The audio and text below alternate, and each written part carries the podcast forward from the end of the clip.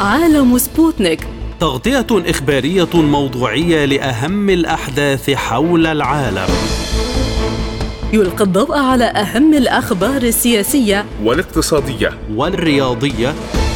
وجولة مع الأخبار الخفيفة من سبوتنيك بريك في عالم سبوتنيك. أهلا بكم في حلقة جديدة من عالم سبوتنيك. يسعد بصحبتكم فيها أحمد أحمد وعبد الله حميد والبداية بأبرز العناوين. الرئيس الفرنسي يدعو الغرب لإقامة حوار مع روسيا حتى يكون السلام ممكنا في أوروبا. المستشار الألماني يطالب الغرب بالاستعداد لحرب طويلة ويشير إلى انقسام شعبي حول توريد الأسلحة لكييف. البعثة الروسية لدى الأمم المتحدة تدعو لتحقيق دولي في تفجيرات نورد ستريم. وزير الدفاع الإسرائيلي يقول إن كل الوسائل متاحة لمنع إيران من الحصول على سلاح نووي. واقتصاديا الرئيس الروسي يؤكد أن زيادة استهلاك الغاز مستقبلا ستكون في آسيا والمحيط الهادئ والصين.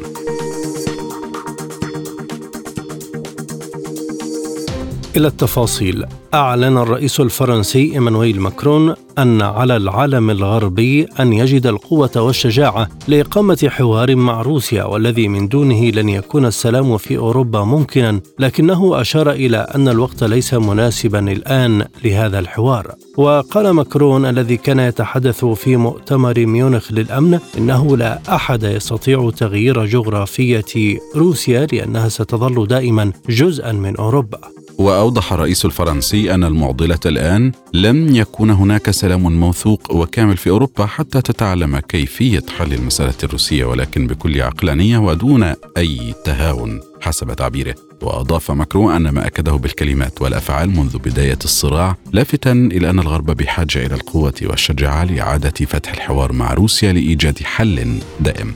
للمزيد من المتابعة ينضم إلينا من باريس رئيس تحرير مجلة كل العرب السيد علي المرعبي بعد التحية بداية هل تعني تصريحات ماكرون إذا أن باريس باتت غير مقتنعة بجدوى تقديم المساعدات العسكرية لأوكرانيا؟ اولا يعني التصريح هذا ليس غريبا عن الرئيس ماكرون لأنه حتى منذ بداية وما قبل الحرب في أوكرانيا آه، حاول عدة مرات إقامة حوار مع آه، بوتين ومع روسيا.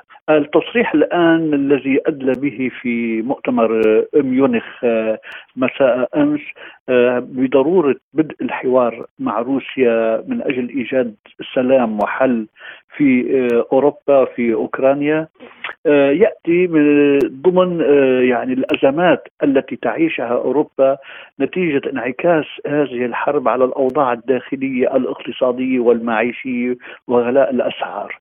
آه، ولكن الملاحظ أيضا أن الرئيس أن الرئيس ماكرون ربط هذا الحوار بالقول أن الوقت الآن ليس مناسبا للحوار يعني كان نتمنى أن يطلق المبادرة دون ربطها بمرحلة زمنية إنه الآن المرحلة ليست مناسبة لهذا الحوار.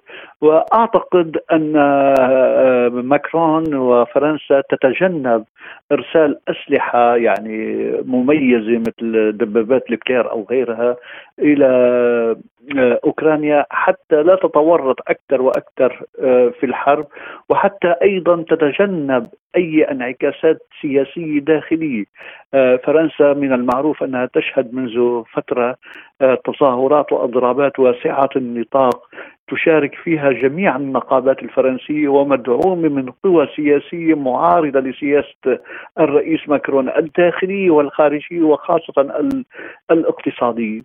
آه، من هون أنا بشوف إنه هذه الدعوة جيدة آه، ولكن آه، ربط أن ليس بهذه المرحلة ممكنة آه، هذا يعني يفقد هذه المبادرة زخمها وقوتها وحضورها السياسي في أوروبا. ماكرون أكد أن وقت هذا الحوار ليس مناسبا الآن، لماذا؟ يعني للحقيقة هو عم يفتح المبادرة ويتحفظ عليها بنفس الوقت. عم يفتح المبادرة لأنه آه، هو مقتنع أنه تدهور الأوضاع في أوروبا وأن هذه الحرب لن يكون بها عسكريا مهزوم ومنتصر يطلق هذه المبادرة. ولكن بنفس الوقت أعتقد أنه ربطها أنه بهذه المرحلة آه، غير ممكنة هو محاولة لإرضاء أمريكا. لأن بات من المعروف للجميع أن الحرب في أوكرانيا هي هدف أمريكي ويعني ورطت في جميع الأطراف حتى تبقى هي مسيطرة آه، على أوروبا من خلال حلف الناتو واعتبارها هي القوة السياسية والعسكرية الأولى في حلف الناتو وهي التي آه، يعني تفرض سياستها على باقي الأعضاء ال 29 في حلف الناتو. من هون يعني آه، أراد الرئيس ماكرون أن يترك آه، مساحة بينه وبين السياسة الامريكيه وأعتقد أن دخول أطراف أوروبية أخرى بهذه يعني وجهة النظر تعززها وممكن تنقلها من مرحلة يعني الضرورة إلى مرحلة الواقع والفعل يعني. أن يتم هناك البدء بحوار مع روسيا. كيف يفهم هذا التصريح في ظل تصريحات أخرى موازية لماكرون؟ نفسه الذي قال نحن جاهزون لنزاع طويل الأمد في أوكرانيا والوقت ليس للحوار مع روسيا.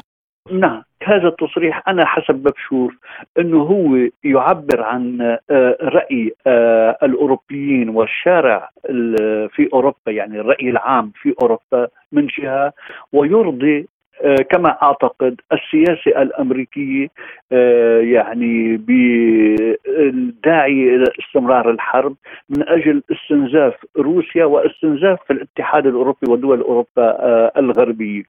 وهذا الذي يحدث الآن يعني هناك استنزاف متواصل لروسيا وعزلها عن أوروبا وهناك استنزاف مالي واقتصادي وسياسي وأمني وعسكري لروسيا آه، وهناك الآن الكل يصرح أن آه، مصانع الأسلحة غير قادرة على يعني إنتاج المزيد من الأسلحة حاليا لكي تمد بها آه، أوكرانيا.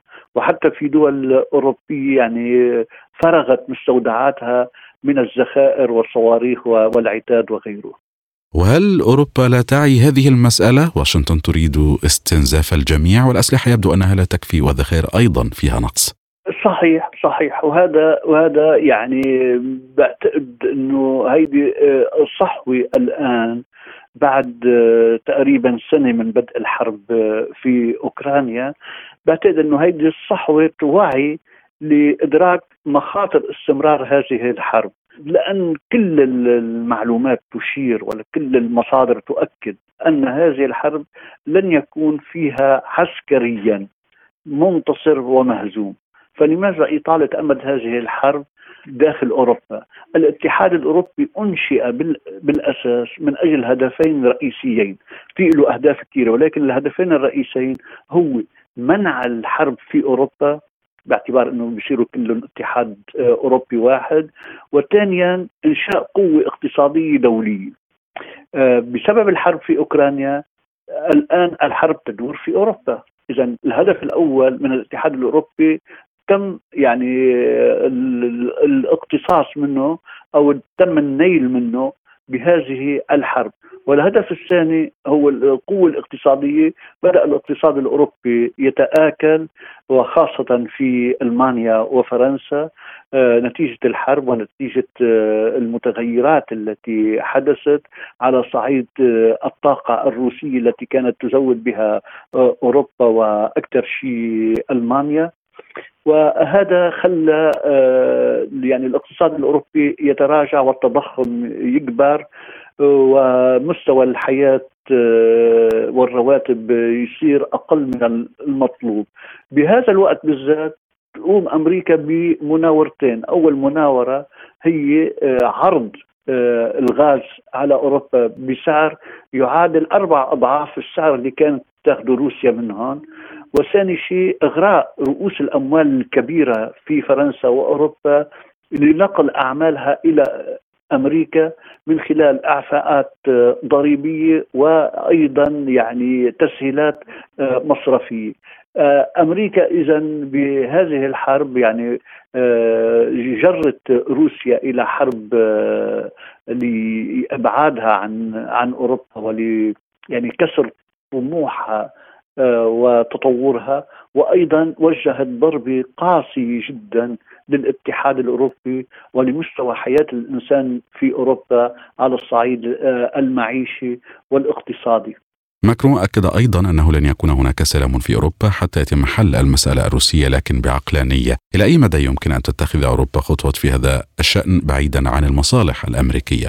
أنا باللي بشوفه إنه هذا التصريح آه، كثير عقلاني وجاد وموضوعي أيضا. ولكن هل في قدرة أوروبا الآن على مواجهة الضغط الأمريكي الذي يدعي إلى استمرار هذه الحرب؟ هذه مسألة آه، على القادة آه، الدول الأوروبية يعني أخذ زمام المبادرة بهذا الاتجاه لأنه فعلا لن يكون هناك أمن وسلام في ظل استمرار آه، الحرب في أوكرانيا، بل على العكس هناك تخوفات من توسع دائرة الحرب أيضا لأن روسيا آه، بدأت تشعر إنه تزويد أوكرانيا بأسلحة. نوعيه ومتطوره هي صارت تعتبرها نوع من المشاركة المباشرة في الحرب ضدها. أنا أتمنى أن تصل يصل قادة أوروبا إلى آه، نقطة معينة بهذه القناعة وتنفيذها. هن آه، بالتأكيد كلهم عندهم هذه القناعة أن مساله الأمن في أوروبا يجب أن تكون أولوية ومن ضمن هذه الأولوية انتهاء الحرب في أوكرانيا. ولكن آه، الأمريكان ما زالوا يعني يضغطون على الأوروبيين للاستمرار في سياسة آه، الحرب وتوسيع دائرة الحرب من خلال تزويد أوكرانيا بأسلحة نوعية متطورة. قال المستشار الألماني أولاف شولتز إنه من الحكمة أن نكون مستعدين لحرب طويلة في أوكرانيا مضيفا أن حلفاء كييف سيبقون معا طوال المدة. وأضاف في مقابلة مع شبكة سي إن إن الأمريكية على هامش مؤتمر ميونخ الأمني السنوي في ألمانيا أنه يعتقد أنه من الحكمة أن يكون الغرب مستعدا لحرب طويلة. ومن الحكمة إرسال رسالة الرئيس الروسي فلاديمير بوتين مفادها بأنهم مستعدون للبقاء طوال الوقت في أوكرانيا وأنهم سيدعمون هذا البلد باستمرار. وأشار شولتز إلى أنه لا توجد في ألمانيا وحدة في الموقف حول توريد الأسلحة إلى كييف والعقوبات ضد روسيا وأوضح أن هناك البعض ليسوا متأكدين من أن فكرة فرض كل هذه العقوبات وتزويد أوكرانيا بكل هذه الأسلحة العديدة جيدة حقا لكن حتى معظم هؤلاء يدركون في نهاية المطاف أن الحكومة بحاجة إلى اتخاذ قرارات مسؤولة. للمزيد من المتابعة ينضم إلينا من برلين الكاتب والمحلل السياسي السيد رضوان قاسم بعد التحية سيد الكريم ماذا يعني حديث شولز عن الاستعداد لحرب طويلة في أوكرانيا؟ واضح أن اتخاذ القرار لبعض قادة الدول الأوروبية آه، اتخذ من قبل الولايات المتحدة الأمريكية أن تغرقهم في هذه الحرب الطويلة الأمد. ظنا منهم أنهم باستطاعتهم آه، ربما أن آه، يستفيدوا من الوقت لاستنزاف القوات الروسية وروسيا يعني على كافه الصعد الاقتصادية والعسكرية وحتى أيضا السياسية. إلا أن هذا فشل فشلا ذريعا وسيفشل أيضا. الموضوع يتبين أن من خلال الخطاب الخطابات التي ألقيت بالأمس في في القمة أو في المؤتمر آه، للقاده الأوروبيين اكان من فرنسا أو اكان من آه، السيد شول يدل على التناقض القائم ما بين هذه الدول وما بين أيضا رؤيتهم للأمور. يعني عندما يتحدثون عن أن الأمور يجب أن تعود إلى طاوله مفاوضات ويجب أن يكون هنالك حوار مع روسيا ولا ينقطع هذا الحوار ومن ناحية أخرى يرسلون هذه هذا العتاد وهذه الأسلحة وهذا الدعم لأوكرانيا. هذا دليل على أن هنالك تخبط في الموقف الأوروبي ودول حلف الناتو بمجمله وأيضا على الصعيد الداخلي على صعيد الدول الأوروبية رأينا المواقف المتناقضة أيضا من سيد شولز نفسه عندما يقول أننا نحن نسعى إلى أن لا نصطدم مع روسيا بالمباشر لكن يجب علينا أن ندعمه عسكريا. يعني وكأنه يريد أن يرسل يعني ذخيرة أو أسلحة أسلحة خفيفة أسلحة صيد يعني يرسل دبابات ويرسل صواريخ ويرسل ربما طائرات فيما بعد ويقول أننا لا نريد أن نصطدم مع, مع روسيا. ومن قال أن روسيا ستقبل بهذا الموضوع وكأن القرار قرار من طرف واحد. إذا وجدت روسيا أن هذه الأسلحة وهذه الحرب الطويلة ستؤثر على آه، وجودها وعلى كيانها وعلى قوتها فبالتأكيد ستعتبر هذا تدخل من حلف الناتو ونحن ذاهبون إلى حرب آه، دولية وربما عالميه آه، ثالثة إذا هل تريد أوروبا حرب مباشرة مع روسيا؟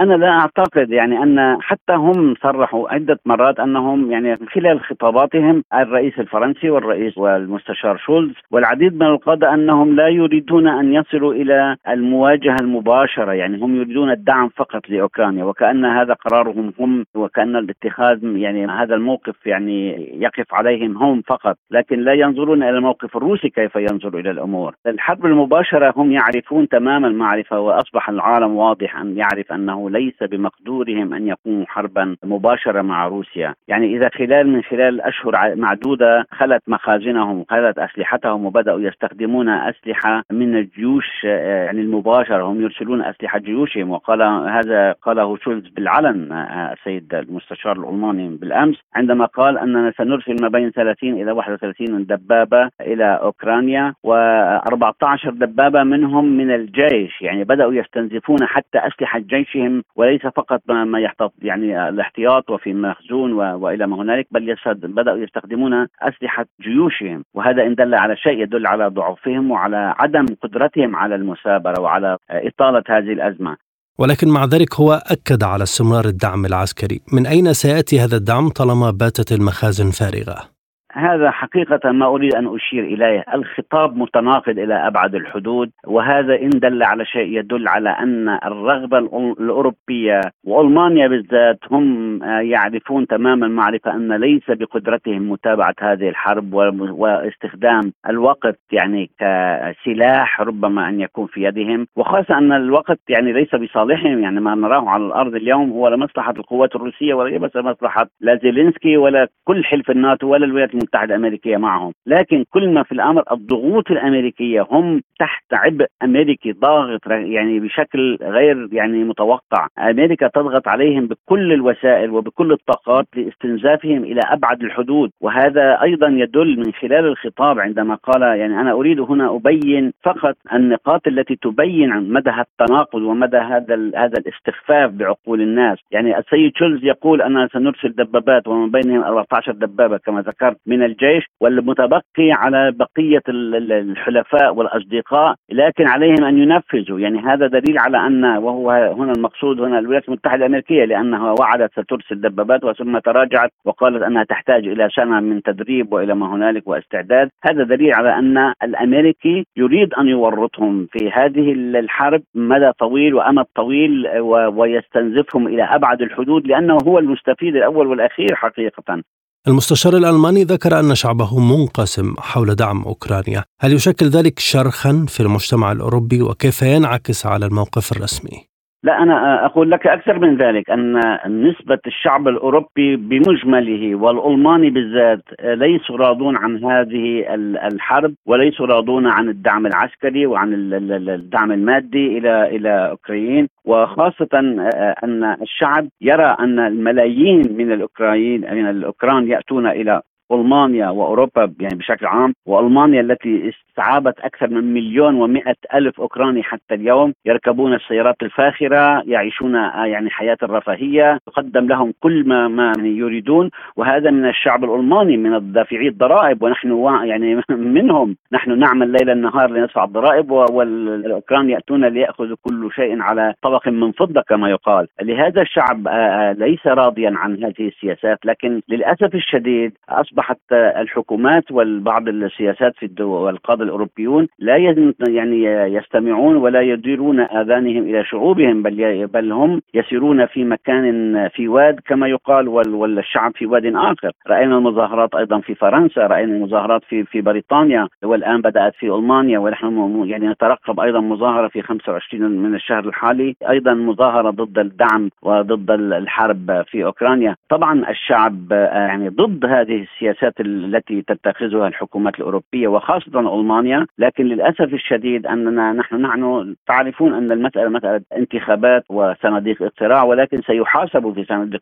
اقتراع بالمرحلة المقبلة وهذا ما أكدته انتخابات الأخيرة في برلين. وإن كانت على صعيد برلين ومقاطعة ولاية برلين إلا أنه تبين أن أن حزب المستشار الألماني شولز ال SPD الشعب أثبت أنه ليس راضيا عن هذه السياسات وأسقط حزب المستشار الألماني في برلين. ففي الانتخابات القادمة سيتبين مدى عدم الرضا لهذا الشعب تجاه هذه الحكومات وليس فقط في ألمانيا كما ذكرت بل في كل الدول الأوروبية.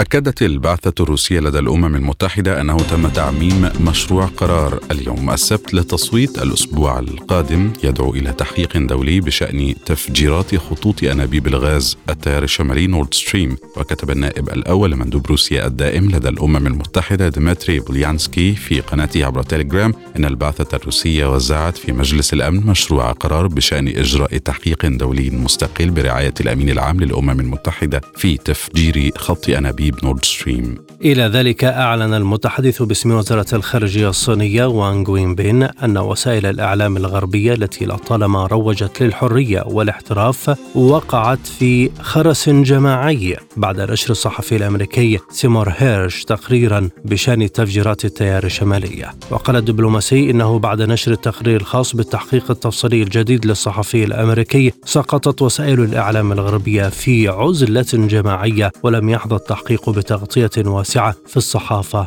الأجنبية. للمزيد ينضم إلينا من القاهرة دكتور أيمن سلامة أستاذ القانون الدولي. دكتور أهلا بك. ما هي فرص تمرير القرار الروسي إذن في مجلس الأمن؟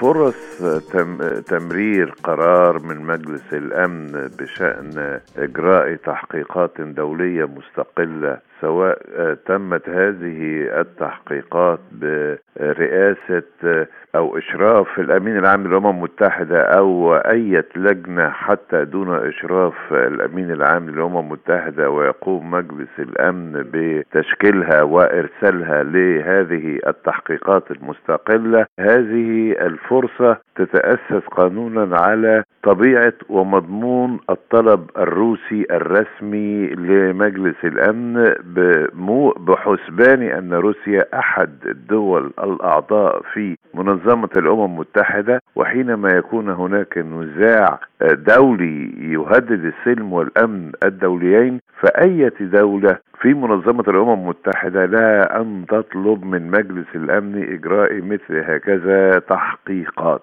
ولكن حتى تكون القرارات التي تصدر عن مجلس الأمن بإنشاء لجنة تحقيق دولية مستقلة للتحقيق في هذا الحادث إذا كان القرار يصدر عن مجلس الأمن تاسيسا على الفصل السابع من ميثاق الأمم المتحدة وهي القرارات النافذة الإلزامية التي لا تستطيع أي دولة أن ترفضها في مجلس الأمن. هذا الأمر فرصه لا أعتقد إن فرصه ستكون فرص كبيرة بالنظر إلى أن الولايات المتحدة الأمريكية وحلفائها إذا كانت لديهم يقين بأن دولة من دول الغرب كانت وهي تتهمها بالطبع روسيا الاتحادية هي وراء مثل هذه الأعمال التخريبية فبطبيعة الأمر والحال لن يحظى ذلك القرار المؤسس على الفصل السابع من ميثاق الأمم المتحدة المتحدة بالقبول أو بالإجماع من مجلس الأمن دكتور إلى أي مدى يمكن أن يكشف التحقيق الدولي برعاية الأمم المتحدة عن الفاعل الحقيقي الذي يقف وراء تفجير خط الأنابيب؟ منظمة الأمم المتحدة منظمة مؤهلة وقادرة ولديها الخبرات والكوادر العالمية التي يعني لا يضاهيها أي خبرات في كافة الدول الأمم المتحدة ولذلك حين تقوم منظمة الأمم المتحدة بإرسال بعثة أو لجنة للتحقيقات الدولية فهذه اللجنة تضم أكبر خبراء من منظمة الأمم المتحدة في كافة المجالات المشهود لهم بهذه الخبرات في مجالات هي مرتبطة بخطوط الغاز وأنابيب الغاز أو البترولي في البحار أو غيرها أو ما شابه. لذلك الأمم المتحدة هي المنظمة الأهلة أو القادرة في تحقيق مثل هذا في التحقيق في مثل هذا الأمر وأي تحقيقات لمنظمة الأمم المتحدة من المؤكد أن إذا حدثت ستحظى بالقبول بل بالإجماع العالمي إذا كيف تقرؤون أو ما ردود الفعل الأوروبية وكيف ستتفاعل الدول خاصة ألمانيا مع هذا القرار الروسي؟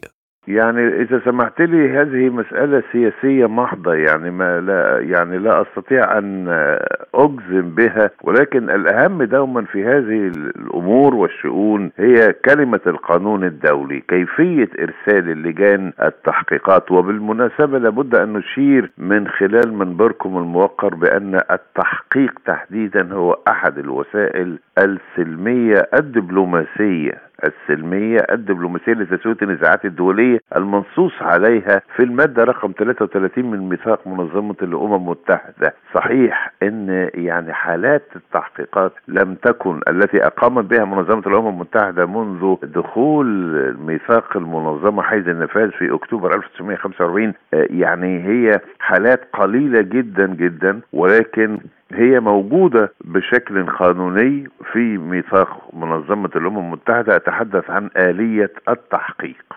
وكيف يمكن محاسبة الفعل الحقيقي حال فشل تمرير القرار في الأمم المتحدة خاصة أن هناك إثباتات تشير إلى تورط الولايات المتحدة في تفجير خط الغاز؟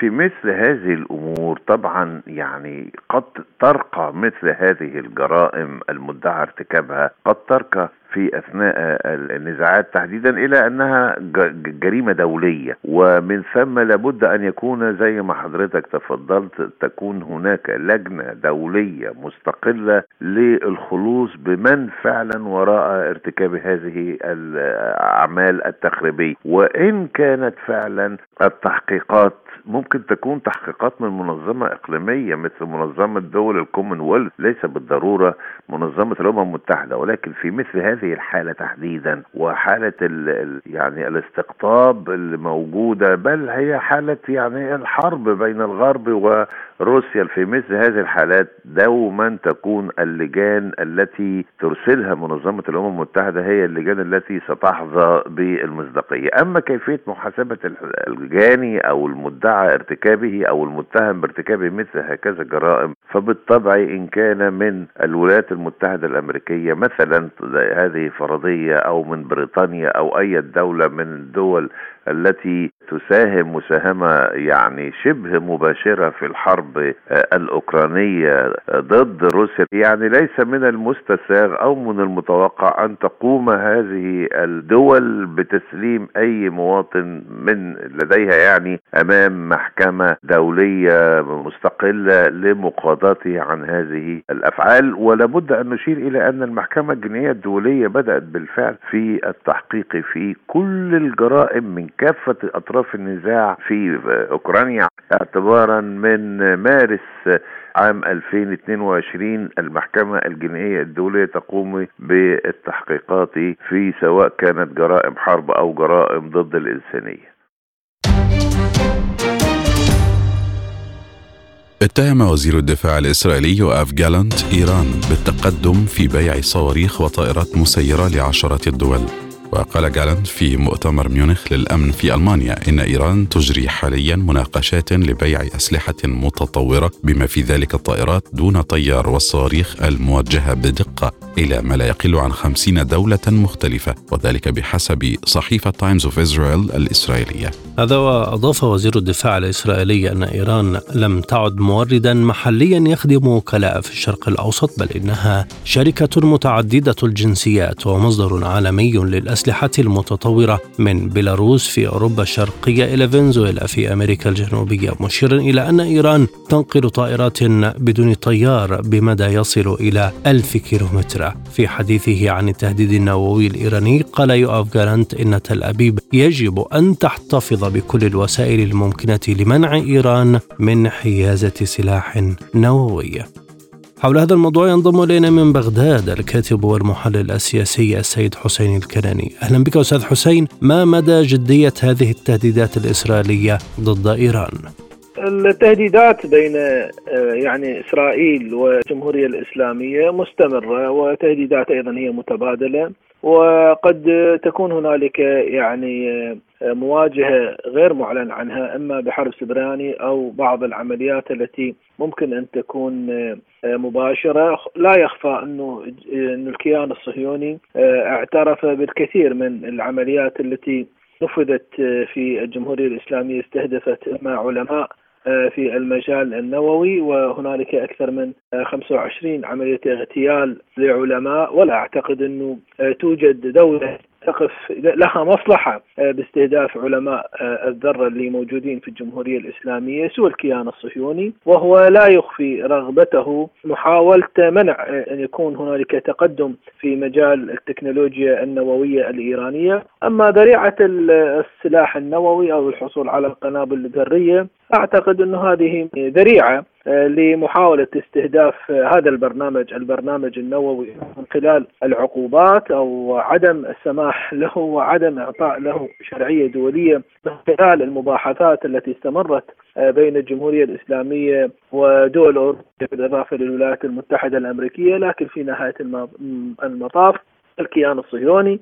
أيضا لا يخفي رغبته بعدم عدم تفاؤله أو عدم رضاه على موافقة الولايات المتحدة الأمريكية وتوقيعها هذا الاتفاق وبالتالي دفع بالولايات المتحدة وبالاداره الأمريكية من الانسحاب من هذا الاتفاق. في نهاية المطاف الجمهورية الإسلامية لا تخفي رغبتها بعدم امتلاك وليست لديها امتلاك أسلحة ذرية باعتبار عدم وجود حاجة لمثل هذا السلاح خصوصا إنه الكثير من الدول الكبيرة والعظمى تمتلك هذه السلاح لم تستخدمه ولو لمرة واحدة سوى الولايات المتحدة الأمريكية استخدمته مرتين وأصبحت وصمة عار في جبين الإدارة الأمريكية. ولا أعتقد إن هنالك دولة ترغب أن تجرب مثل الأمريكية. مسألة السلاح النووي محاولة بالنسبة للكيان الصهيوني أعتقد الكيان الصهيوني يعتقد إنه وجود الجمهورية الإسلامية يعتبر تهديد لمشاريع التوسعية وإنه إيران تحاول منعه من التمدد في الأراضي الفلسطينية وكذلك بعض الأراضي العربية مثل الجولان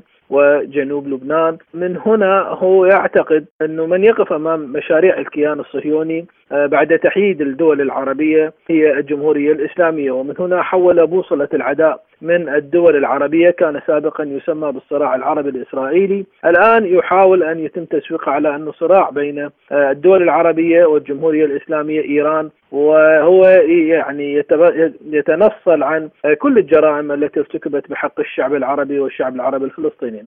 إذا ما هي طبيعة الإجراءات التي يمكن أن تلجأ إليها إسرائيل لمنع إيران من الحصول على سلاح نووي؟ من الناحية التقنية أعتقد أنه لدى الجمهورية الإسلامية لو كانت لديها رغبة حقيقية لامتلاك هذا السلاح لا يستطيع لا الكيان الصهيوني ولا أي دولة بالعالم آه، من منع إيران من امتلاك هذا السلاح تكنولوجيا موجودة ومتطورة في في الجمهورية الإسلامية ولا يوجد أي مانع لعدم قدرتها نعم هنالك كما ذكرت المسؤولون الإيرانيون أنهم ليسوا بصدد امتلاك هذا السلاح وليست به فائدة وليست لديهم الاستخدامات هي استخدامات سلمية وذريعة الكيان الصهيوني آه، محاولاته كلها باءت بالفشل من عمليات الاغتيال لرجال وعلماء هذا المجال هذه الصناعة وعلماء الذرة عمليات مستمرة وأيضا محاولة الاستهداف المباشر من خلال الهجمات السبريانية وكذلك محاولة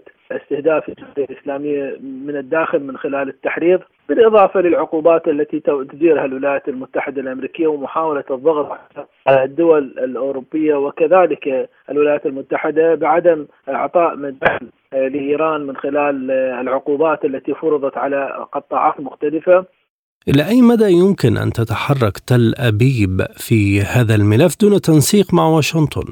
لا يستطيع الكيان الصهيوني أن يتحرك من دون تنسيق مع الإدارة الأمريكية. هي تحاول أن تعمل بصورة منفردة بخفاء من دون إعلان بشكل واضح لأنه خطورة هذا الموقف أو خطورة هذا التصعيد في حال تجرأت آه، إسرائيل واستهدفت بشكل مباشر وعلني مفاعلات أو محطات نووية في الجمهورية الإسلامية قطعا لن آه، يقد لن تصل النوبة فقط للكيان الصهيوني وإنما كل المصالح الأمريكية اللي موجودة في المنطقة وهذا ما لحقت به الإدارة الأمريكية آه، خصوصا انه قدرة إيران الصاروخية كبيرة جدا وبالتالي يشكل خطر كبير ليس فقط على الكيان وإنما حتى الدول التي قد تكون حارة لمثل هذه العمليات أو داعمة لمثل هذه العمليات سوف لن تكون بمنأى عن هذه هذه الاستهدافات. ومن هنا أعتقد إنه بالنسبة للكيان الصهيوني لعب بالنار. ولا أعتقد إنه سوف تسمح الإدارة الأمريكية للكيان مثل هذه الحماقة، نعم كما ذكرنا قبل قليل هنالك بعض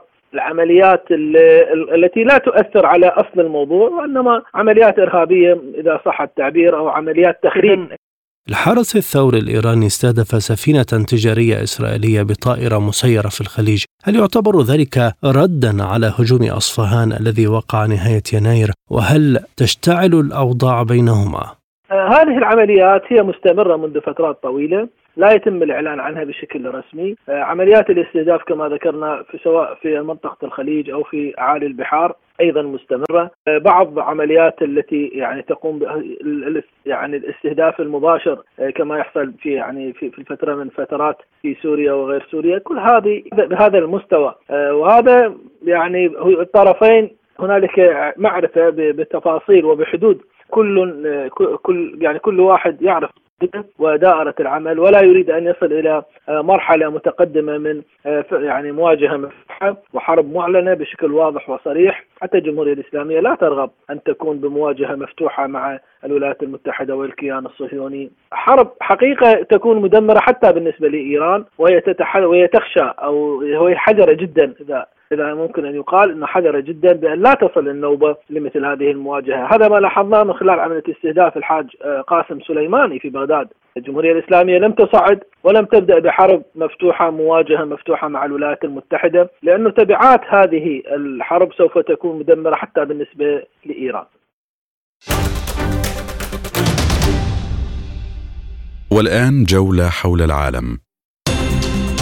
أبلغ الجيش الروسي وكالة سبوتنيك بأن المسلحين من نظام كييف قاموا بإلقاء ذخيرة بمادة سامة مجهولة على مواقع القوات الروسية بالقرب من قرية روزينوي وفيليكايا نوفوسليوكا ومحور أوغليدار أوضح في بيان أنه في صباح يوم السادس عشر من فبراير شباط ظهرت مروحيتان هجوميتان للعدو فوق مواقع القوات الروسية قرب أوغليدار مشيرا إلى أن إحدى المروحيات أسقطت على الفور وتمكنت الأخرى من تنفيذ قصف وإلقاء ذخائر كيماوية على المواقع. وأضاف أن العبوة انفجرت وأصيب مقاتلان كان في المنطقة أصيب بحروق في الرئة كما ظهرت عليهم كل علامات التسمم. صرح يوري بارباشوف رئيس الإدارة الروسية لبلدة سينغريفكا في منطقة خيرسون بأن كييف تستعد لاستفزاز في تلك المنطقة وتخطط لتقديم المدنيين الذين قتلوا في قصف القوات الأوكرانية كضحايا للجيش الروسي. وأوضح بارباشوف لوكالة سبوتنيك أنه في الوقت الراهن بدأت وسائط الإعلام الجماهيري الأوكرانية حملة لتشويه سمعة القوات المسلحة الروسية.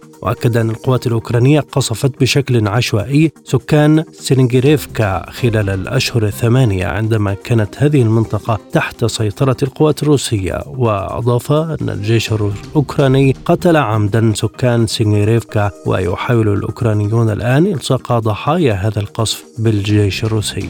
كشفت وسائل إعلام أمريكية أن الحكومة الإسرائيلية الجديدة كثفت المحادثات مع السعودية بشأن تطوير علاقات عسكرية واستخباراتية في ظل تزايد المخاوف بشأن إيران. ونقلت وكالة بلومبرج عن مصادر مقربة طلبت عدم الكشف عن هوياتها أن المحادثات كانت سرية وإن مسؤولين من البلدين عقدوا اجتماعات استكشافية قبل اجتماع مجموعة عمل مجلس التعاون الأمريكي الخليجي الأخير حول الدفاع والأمن في الرياض. وفقا للمصادر فإنه من المتوقع المتوقع إجراء مزيد من المحادثات في براغ بالتزامن مع مؤتمر ميونخ للأمن الذي بدأ يوم الجمعة.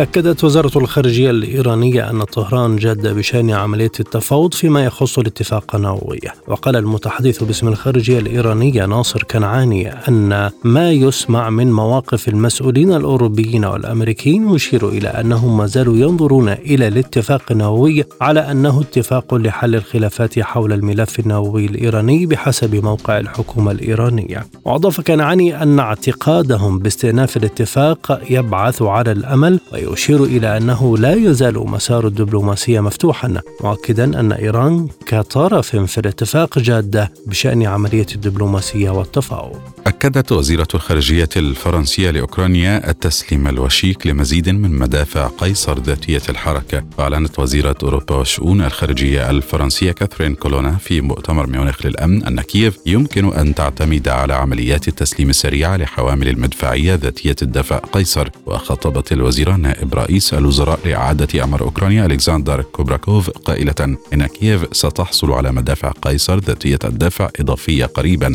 لأن باريس تنتج الآن بشكل أسرع. أعلنت شركة الأمن البحري البريطانية أمبري انتليجنس إن أنظمة جوية مسيرة هاجمت ناقلتين وسفينة بضائع في بحر العرب وقدرت أن إيران هي من شنت الهجوم. وأضاف البيان أن اثنتين من السفن الثلاث تملكهما إسرائيل والأخرى إماراتية ولم يصدر أي تعليق فوري من إيران التي رفضت اتهامات وقوفها وراء حوادث مماثلة في السنوات القليلة الماضية مستمرون معكم وهذه تذكرة بأهم العناوين. الرئيس الفرنسي يدعو الغرب لإقامة حوار مع روسيا حتى يكون السلام ممكنا في أوروبا. المستشار الألماني يطالب الغرب بالاستعداد لحرب طويلة ويشير إلى انقسام شعبي حول توريد الأسلحة لكييف. البعثة الروسية لدى الأمم المتحدة تدعو لتحقيق دولي في تفجيرات نورد ستريم. وزير الدفاع الإسرائيلي يقول إن كل الوسائل متاحة لمنع إيران من الحصول على سلاح نووي.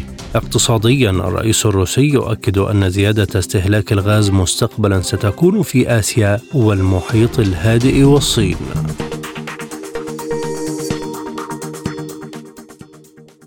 والآن مع أخبار الاقتصاد. قال الرئيس الروسي فلاديمير بوتين خلال مشاركته في مؤتمر عبر الفيديو بمناسبة الذكرى الثلاثين لشركة غازبروم العملاقة للطاقة إن غازبروم تظهر مسؤولية عالية في عملها وكفاءتها واستقرارها وأوضح أنه على الرغم من المنافسة غير العادلة والمنافسة المباشرة من الخارج لعرقلة وتقييد تطورها فإن غازبروم تمضي قدما. وأضاف أن الشركة تطلق مشاريع جديدة للتنقيب الجيولوجي والاستخراج والمعالجة العميقة للمواد الخام وتشارك في بناء البنية التحتية للنقل وتوفر أعمال التكنولوجيا الفائقة. أكد بوتين أن الزيادة في استهلاك الغاز في المستقبل ستكون في منطقة آسيا والمحيط الهادئ بما في ذلك الصين. للمزيد من المتابعة ينضم إلينا من موسكو دكتور رامي القليوبي الأستاذ بكلية الاستشراق في المدرسة العليا للاقتصاد. أهلا بك دكتور. بداية كيف ينعكس زيادة استهلاك الغاز الروسي في آسيا والمحيط الهادئ والصين على الاقتصاد الروسي؟ لا شك أن البديل الآسيوي يشكل ملاذا للغاز الروسي. بعد ان خسرت روسيا جزءا من حصتها في السوق الأوروبية على إثر الأزمة الأوكرانية. ولذلك تسعى روسيا لزيادة إمداداتها إلى السوق الآسيوية. ويمكنها فعل ذلك عبر خط أنابيب قوة سيبيريا والذي من المنتظر أن يصل إلى طاقة تمريرية بواقع 38 مليار متر مكعب سنويا. وهناك أيضا أحاديث عن مد خط أنابيب آخر إلى الصين. ولكن في الوقت نفسه روسيا تواجه بعض التحديات في هذه المسألة لأن روسيا والاتحاد الأوروبي أنشأ على مدى عقود بنية تحتية مشتركة لنقل الغاز ومنها مشاريع عملاقة مثل السيل الشمالي واحد والسيل الشمالي اثنان لنقل الغاز الروسي إلى ألمانيا عبر قاع بحر البلطيق ولكنهم تعرض لعمل تخريبي في الخريف الماضي. ولذلك عندما اعتمدت روسيا على هذه خطوط الأنابيب لا يمكن إعادة توجيهها بسهوله إلى السوق الأسيوية. فروسيا أمامها خياران. الخيار الأول هو إنشاء مزيد من الأنابيب أو خطوط الأنابيب باتجاه الصين وآسيا. والخيار الثاني هو تطوير هو تصميم مزيد من مجمعات لتسييل الغاز. فهناك مثلا دول مثل الولايات المتحدة وقطر والجزائر تعتمد بنسبة كبيرة على تسييل الغاز بينما اعتمدت روسيا طوال العقود الماضيه على غاز الأنابيب كونه أقل كلفة فجعلها تسيطر على حصة الأسد في السوق الأوروبية.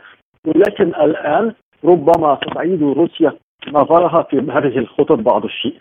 وكيف يؤثر ذلك على إمدادات الغاز الروسية مستقبلا لأوروبا في ظل تحذيرات مدير وكالة الطاقة الدولية من أن الشتاء القادم سيكون صعبا على أوروبا أيضا؟ آه بالفعل. آه حتى منذ العام الماضي أصبحت الدول الأوروبية تسجل معدلات تضخم غير مسبوقة فاقت العشرة في المئة لأول مرة منذ عقود. وهذا يرجع بدرجة كبيرة إلى ارتفاع نفقات الطاقة. لأن أوروبا عندما اتخذت قرارا سياسيا بالحد من الاعتماد على الغاز الروسي اضطرت لشراء الغاز من مصادر بديلة بأسعار أعلى. ولذلك آه، من الواضح أنه لم يتم الاستغناء عن الغاز الروسي في أوروبا بشكل كامل. ومن مؤشرات ذلك أن هناك آخر البيانات تظهر أن هناك زيادة في كميات الغاز الروسي المورد إلى أوروبا عبر الأراضي الأوكرانية رغم أعمال القتال وأي ملفات خلافية أخرى في أحيان كثيرة يصبح ملف الطاقة بمثابه طوق نجاه يؤدي إلى تحسين العلاقات بين الدول المتخاصمة كونه لا مجالا لا يستطيع فيه أحد اللاعبين الاستغناء عن الآخر. بشكل عام كيف ينظر إلى الزيادات المتوقعة في استهلاك الغاز في إطار الحديث عن الطاقة البديلة والمتجددة وأزمة تغير المناخ؟ آه في الواقع هناك محاولات كثيرة لاعتماد الطاقة البديلة أو الخضراء وهناك امكانيات هائله لذلك بما في ذلك في الدول العربية حيث يمكن استثمار طاقة الشمس والرياح ولكن العقبة هي أن هناك تكاليف أو تكنولوجية أو نفقات ماليه كثيرة تتعلق بتطوير هذا النوع من التكنولوجيا. ولذلك هو يكاد الآن يقتصر على بعض الدول المتقدمة صناعيا مثل ألمانيا بينما تعتمد الدول الأخرى بما في ذلك في أوروبا على مصادر الطاقة التقليدية أو الطاقة النووية. كونها لا تؤدي إلى انبعاثات ثاني أكسيد الكربون ولكن الطاقة النووية بدورها لا تخلو أيضا من المخاطر مثل تعرض مناطق المحطات النووية للزلازل أو الكوارث الطبيعية فبالتالي على الأرجح لم يتم الاستغناء عن النفط والغاز في الأفق المنظور.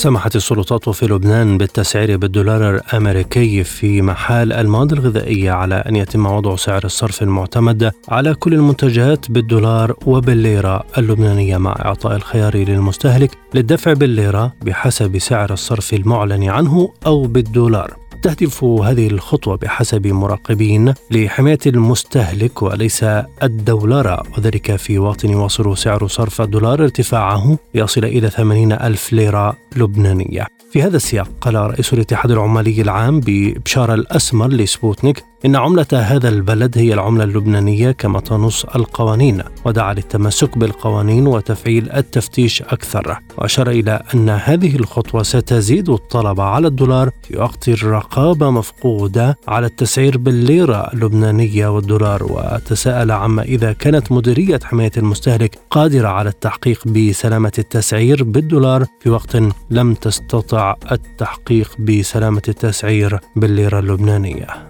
وصف وزير المالية الروسي أنتون سيلوانوف قرار الاتحاد الأوروبي إدراج روسيا على القائمة السوداء للمناطق الضريبية بأنه قرار سياسي حصري ولن تترتب عليه أي عواقب على الميزانية والاقتصاد. وقال إن هذا الموضوع لم يناقش مع وزارة المالية الروسية ولم يتم طلب أي تفسيرات من موسكو بهذا الخصوص معتبرا أن ذلك يعد عملا غير ودي آخر تجاه موسكو. وقبل أيام أشارت وزارة المالية الروسية إلى أن قرار الاتحاد الأوروبي إدراج روسيا على القائمة السوداء اتخذ دون التشاور مع موسكو وأن أسبابه غير واضحة. صرح رئيس وكالة الطاقة الدولية فتح بيرول عقب مشاركته في مؤتمر ميونخ للأمن بأن الشتاء المقبل للاتحاد الأوروبي سيكون أقسى من الشتاء الحالي بسبب أزمة الغاز وأشار في تغريدات على حسابه إلى الحاجة لوضع خطة رئيسية جديدة للصناعة الأوروبية لكنه لم يقدم تفاصيل محددة. وأعرب بيرول في وقت سابق عن اعتقاده بأن الدول الأوروبية ستواجه صعوبات جدية إذا لم تقلل من مستوى استهلاك الغاز الطبيعي.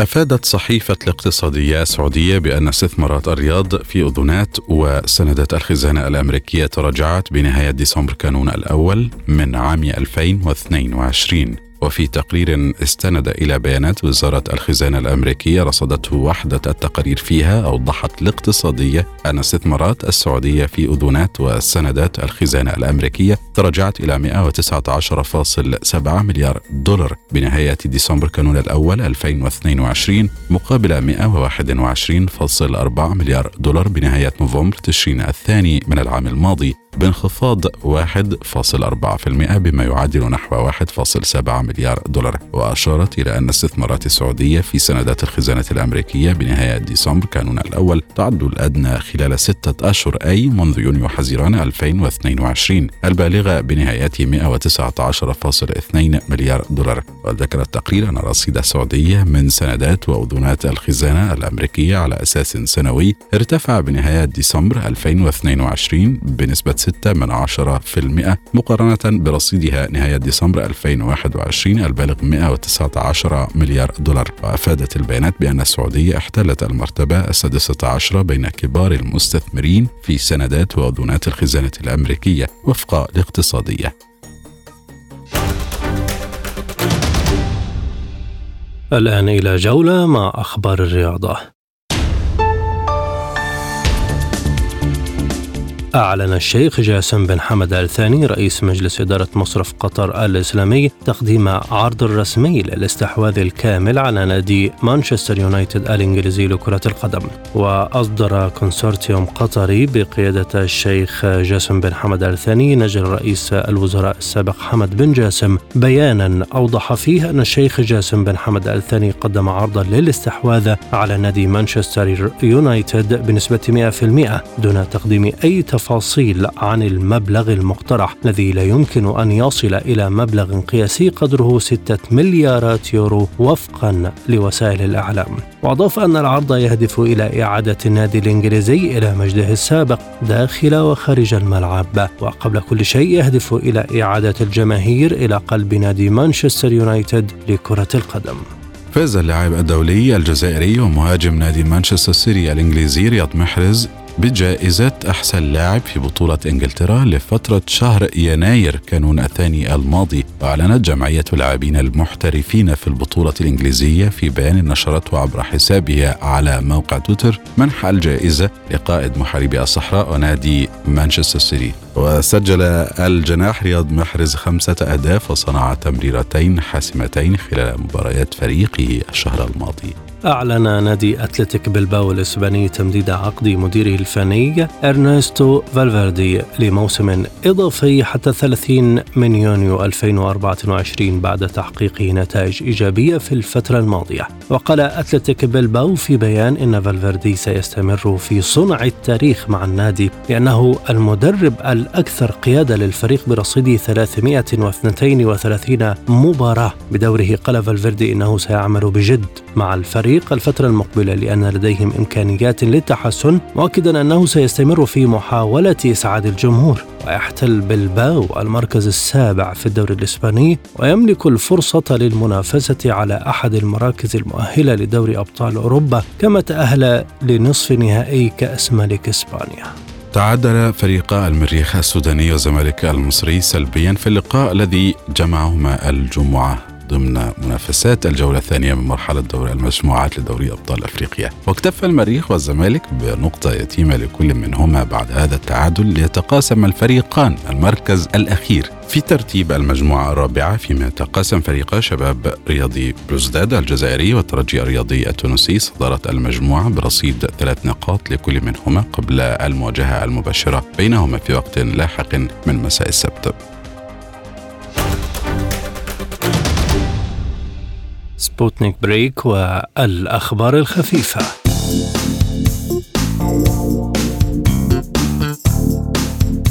كشفت دراسة جديدة عن وجود سحابة جزيئية في الفضاء البعيد تأخذ شكل فاصلة بالقرب من مركز درب تبانة تدور حول أحد أكثر الأشياء المرغوبة في علم الفلك. وأبلغ فريق من علماء الفلك عن وجود سحابة مدمجة منعزلة وغريبة في مركز مدار تادبول وأشاروا إلى أن هذه السحابة الغريبة ليست مجرد ثقب أسود عادي لكنها تنتمي إلى فئة الوزن المتوسط التي نادرا ما ترى التي تدعى الثقوب السوداء ذات الكتلة المتوسطة أي الحلقة المفقودة. وأوضحوا أن الاكتناز المكاني وغياب النظائر الساطعة في الأطوال الموجية الأخرى يمكن أن يكون ثقبا أسود متوسط الكتلة. وبين العلماء أن الثقوب السوداء توجد في الكون على شكل نظامين جماعيين متميزين وأن هناك ثقوب سوداء ذات كتلة نجمية تصل إلى نحو 100 ضعف كتلة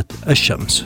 أعلنت الإمارات عن افتتاحها أول كنيس يهودي في البلاد مؤكدة أن الهدف من ذلك تعزيز حوار الأديان في الدولة الخليجية. ويعتبر الكنيس اليهودي أو بيت العائلة الإبراهيمية الأول من نوعه في الإمارات. وتم افتتاحه الخميس في العاصمة أبو ظبي. وأكد محمد خليفة المبارك رئيس دائرة الثقافة والسياحة في دبي أن المركز الذي تم افتتاحه سيكون منبرا للحوار والتعايش. ودعا خليفة المبارك إلى زيارة المكان بصحبة المرشدين لاستكشاف الإيمان. من جهته قال الرئيس الإماراتي محمد بن زايد إن بيت العائلة الإبراهيمية الذي يضم دور العبادة الثلاثة يعتبر صرحا للحوار الحضاري والبناء بحسب صحيفة البيان الإماراتية.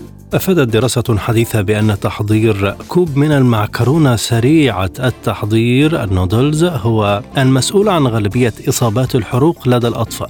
وخلال الدراسة تم فحص سجلات قبول الأطفال في جامعة شيكاغو للطب بحثا عن علاجات لإصابات الحروق الناجمة عن السوائل الساخنة. بين عامي 2010 و2020 ما أظهر أن ما يقارب من ثلثهم نتج عن النودلز. ووفقا للدراسة التي نشرت نتائجها في دورية Burns الطبية فإن فحص سجلات 790 حالة حروق سوائل لدى أطفال أثبتت أن 31% منها بسبب النودلز.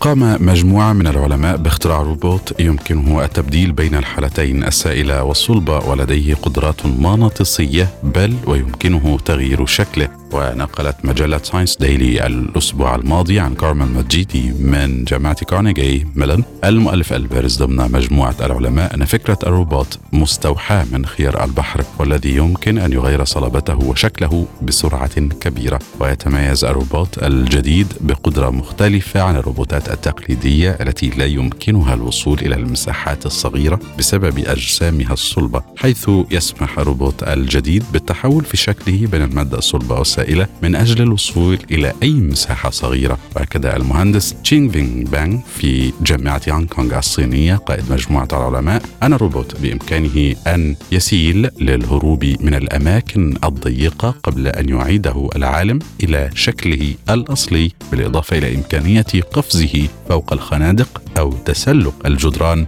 بل يمكنه الانقسام إلى نصفين.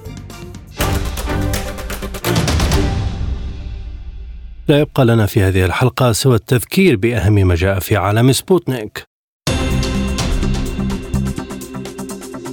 الرئيس الفرنسي يدعو الغرب لإقامة حوار مع روسيا حتى يكون السلام ممكنا في أوروبا. المستشار الألماني يطالب الغرب بالاستعداد لحرب طويلة ويشير إلى انقسام شعبي حول توريد الأسلحة لكييف. البعثة الروسية لدى الأمم المتحدة تدعو لتحقيق دولي في تفجيرات نورد ستريم. وزير الدفاع الإسرائيلي يقول إن كل الوسائل متاحة لمنع إيران من الحصول على سلاح نووي. اقتصاديا الرئيس الروسي يؤكد أن زيادة استهلاك الغاز مستقبلا ستكون في آسيا والمحيط الهادئ والصين. ورياضيا قطر تتقدم بعرض رسمي لشراء نادي مانشستر يونايتد الإنجليزي. انتهت هذه الحلقة. شكرا وإلى اللقاء. للمزيد زوروا موقعنا على الإنترنت سبوتنيك dot ae